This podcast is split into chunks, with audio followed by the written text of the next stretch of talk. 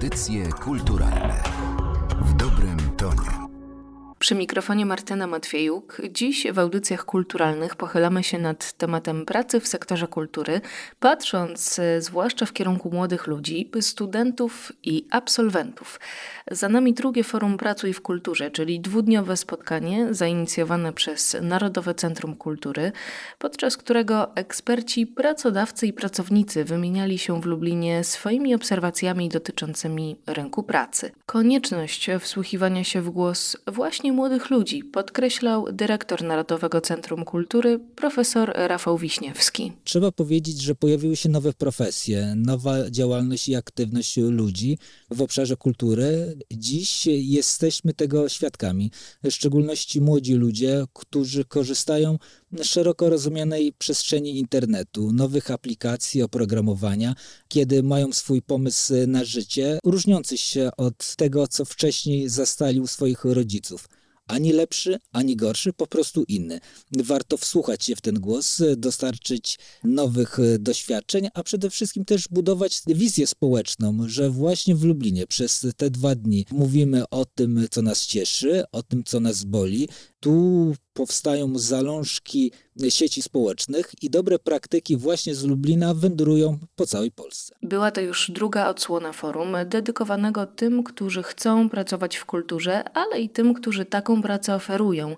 W tym roku współorganizatorem wydarzenia było Akademickie Centrum Kultury i Mediów UMCS Chatka Żaka. O tej współpracy mówił rektor UMCS profesor Radosław Dobrowolski. To jest jeden z tych elementów, który składa się na tą wizję funkcjonowania Chatki Żaka w nowym kształcie.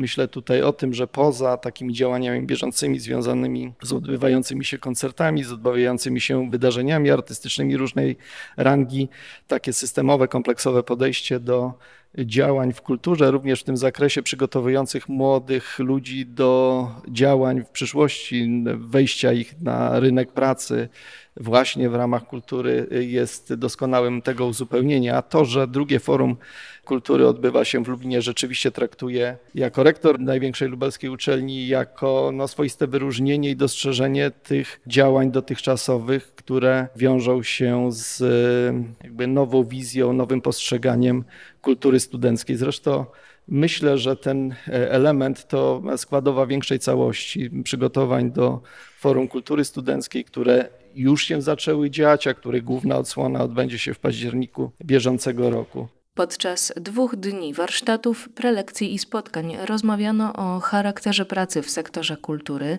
W tej dziedzinie szczególnie ważną rolę odgrywa pasja. Pasja ma coś, co jest taką siłą wszechwładną. To znaczy, my nie myślimy w kategoriach patrzenia na zegarek, że godzina to 3600 sekund i po tej godzinie to wychodzę do domu. To jest po prostu pewna idea do realizacji. I ta idea nie kończy się, kiedy my wychodzimy z pracy, bo ta idea gdzieś z nami podróżuje w autobusie, na rolkach, jadąc e, rowerem, podróżując do domu. W domu nieustannie po prostu jest taki, bym powiedział, niedosyt twórczy, że jakby przekształcić ten projekt, jak zrobić coś innego i szukamy już tego następnego dnia, żeby po prostu zrealizować te działania kultura nie zamyka się właśnie w takich e, ramach, że zostało coś zakończone. To są projekty, które zawsze mają charakter otwarty, bo kiedy artysta nagrywa jedną płytę, koncertuje ją, szuka swojej publiczności, nagle pojawia się ta pasja, żeby zarejestrować nowy materiał. Kultura to jest jednak misja. Izabela Pastuszko, dyrektor Chatki Żaka. Praca w kulturze to zdecydowanie jest misja. Nie są to zarobki takie jak w innych branżach, więc trzeba zbudować wokół tej pracy takie poczucie właśnie wartości dodanej tym, co robimy, a niekoniecznie zawsze w finansach. Natomiast faktycznie no, jest to praca z ludźmi. To jest praca, w której trzeba być otwartym. Trzeba być człowiekiem, który ma ochotę poznawać innych ludzi, ich potrzeby, ale też jest taki empatyczny, ponieważ tutaj no, budujemy projekty dla innych ludzi, których nie znamy dość często. E, musimy sobie wyobrażać to, jakie mają oczekiwania wobec czy muzyki, czy dźwięku, czy działań edukacyjnych. W związku z tym no, ta otwartość, chęć działania dla innych, takie poczucie misyjności, kreatywność, to są takie cechy według mnie, które są bardzo potrzebne w tej pracy. A czego wymagają młodzi pracownicy od swoich pracodawców? W którą stronę podąża model zatrudnienia? O tym wspominał m.in. Adam Przeździęk, CEO portalu MediaFit, zajmującego się trendami, marketingiem i reklamą. Wśród młodych osób zdecydowanie praca otwarta, jak najbardziej elastyczna pod kątem ilości godzin pracy, dni pracy i miejsca wykonywania pracy. To też oczywiście bazuje na zaufaniu, tak? Bo jeżeli ufamy pracownikowi, że on dostarczy efektów jakby pracy czy zadania, no to w pełni możemy mu to zlecić, pozwolić mu wyjść w ciągu dnia, zrobić rzeczy, które są ważne z punktu widzenia rodziny na przykład, bo wiemy, że to zostanie zrobione na czas i, i na pewnym poziomie jakości, więc to będzie się tylko jakby umacniała taka sytuacja, ten model pracy, a pandemia tylko w tym pomogła i bardzo szybko przyszliśmy na, na ten zadaniowy tryb pracy, mniejszy controlling, tak, no bo trudniej jest kontrolować pracownika i bardzo dobrze, bo to powinno właśnie bazować na zaufaniu, po to tych ludzi zatrudniamy, tak, nie zatrudniamy robotów, tylko ludzi, którzy mają też swoje inne sprawy. Co do samozatrudnienia, to wśród młodszych osób da się zauważyć skłonność do podejmowania większego ryzyka, jeżeli chodzi o tworzenie własnych, jakichś małych, mikro wręcz powiedziałbym, inicjatyw, mikroprzedsiębiorstw, dołączanie do startupów, czyli firm na bardzo zalążkowym, wczesnej fazie rozwoju ponieważ te rzeczy są często dla nich bardziej atrakcyjne. To są często ciekawsze projekty, to są rzeczy bardziej innowacyjne, to są często firmy, w których mogą spotkać więcej swoich rówieśników i uczyć się od nich, tak? Jak mówiłem w trakcie panelu dyskusyjnego w Stanach Zjednoczonych w e, czwartym kwartale minionego roku, liczba nowych mikroprzedsiębiorstw założonych w tym kwartale wzrosła o 42%. Jeżeli przełożymy to sobie na skalę globalną, to z pewnością ten trend da się zauważyć, że jest też on obecny w innych państwach i w Polsce również e, młodzi coraz częściej decydują się na realizację swoich wizji, idei, nawet kosztem tego ryzyka i tego, że być może po tym roku czy dwóch ten projekt będzie trzeba zaparkować albo w ogóle go zlikwidować, ale ja uważam, że podejmowanie tego typu ryzyka jest dużo lepsze i daje na pewno więcej takiej życiowej pewności, doświadczenia na przyszłość. Ja myślę, że kultura w ogóle jest w takim czasie transformacji, ponieważ ten system taki działania w jednostkach kultury troszeczkę nam się już zaczął zmieniać. E, mamy coraz więcej już nie tyle fundacji i stowarzyszeń, co na przykład biznesów kreatywnych, startupów, które są w dużym stopniu oparte na kulturze. I wydaje mi się, że to jest takie pewne wyzwanie, że, że my też jako pracodawcy, jako osoby pracujące e, już wiele lat, które budują te instytucje, musimy też się troszeczkę otworzyć na to myślenie nowoczesne, takie myślenie właśnie projektowe, takie myślenie łączenia wielu dziedzin, tak? Kultury z informatyką, kultury z ekonomią, kultury z biznesem i to są te nowe rzeczy. To jeśli chodzi o pracodawców i instytucje kultury, a o tym, co jest najistotniejsze dla przedstawicieli pokolenia Z, czyli tych najmłodszych na współczesnym rynku pracy, mówił doktor habilitowany Rafał Muster z Uniwersytetu Śląskiego w Katowicach. Przedstawiciele pokolenia Z, czyli te najmłodsze osoby, które są aktywne zawodowo, które pracują już, mają co najmniej kilkuletnie doświadczenie, oto mówią nam, że dla nich z tego świata wartości liczy się zdrowie, ale potem mówią o zadowoleniu z życia rodzinnego, co dla nich jest szalenie istotne i mnie bardzo cieszy, bo ta kwestia dobrych relacji z rodziną, ta kwestia związana z funkcjonowaniem w życiu także pozazawodowym okazuje się niesamowicie istotna dla młodego pokolenia. Jeżeli praca, to tak, ale taka, która jest interesująca i daje poczucie satysfakcji. Potem młode osoby mówiły o dobrych relacjach z innymi ludźmi, rozwijanie własnych zainteresowań, praca, która jest stabilna, czy też dobrobyt materialny.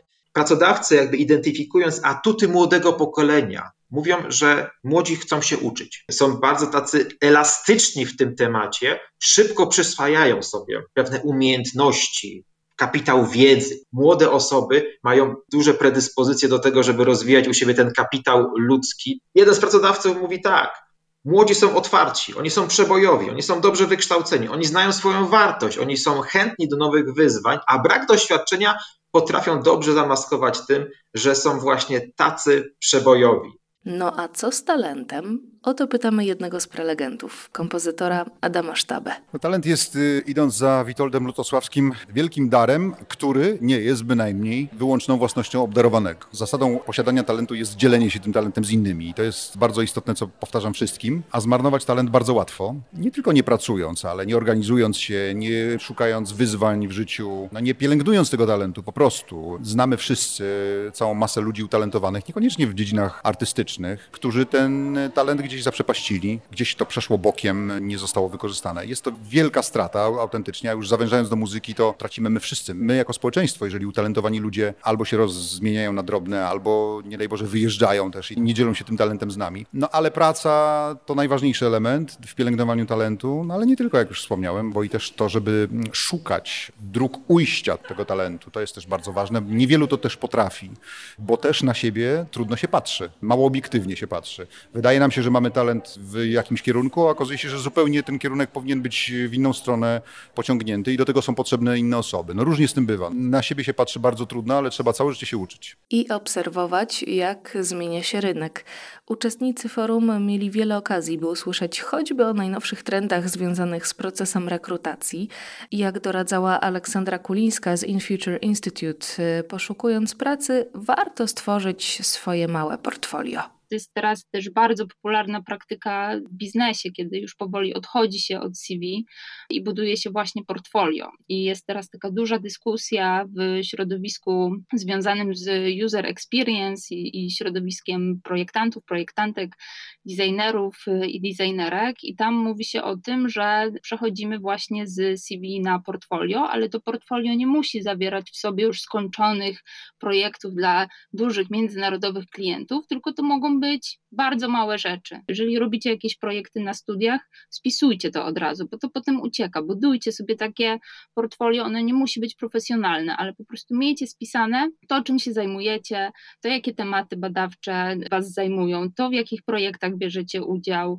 Może stwórzcie sobie jakąś wspólną grupę ze znajomymi albo odszukajcie osoby, które myślą podobnie o świecie i sobie coś wspólnie zróbcie. Łączcie się w kolektywy, to jest ważne też w kontekście przyszłości pracy i tego, że będziemy pracować w bardzo różnorodnym, międzynarodowym środowisku i taka praca w kolektywach z bardzo różnymi osobami jest hiperważna. A w dodatku międzypokoleniowa praca kolektywna przynosi wielostronne korzyści. Młode osoby na podstawie takiej autorefleksji, młodzi pracownicy mówią, że oni od dojrzalszych wiekiem pracowników mogą uczyć się pewnej odpowiedzialności, dokładności, zaangażowania w pracę, radzenia sobie ze stresem, wydajności w pracy. To jest coś, co jest związane z pewnym takim dobrym etosem pracy. I młodzi pracownicy mówią, tego mogę się uczyć od osób starszych wiekiem. A czego mogą ich zdaniem uczyć się osoby dojrzalsze wiekiem od nich? No to jak to domyślamy się, to przede wszystkim kwestia nowoczesnych technologii.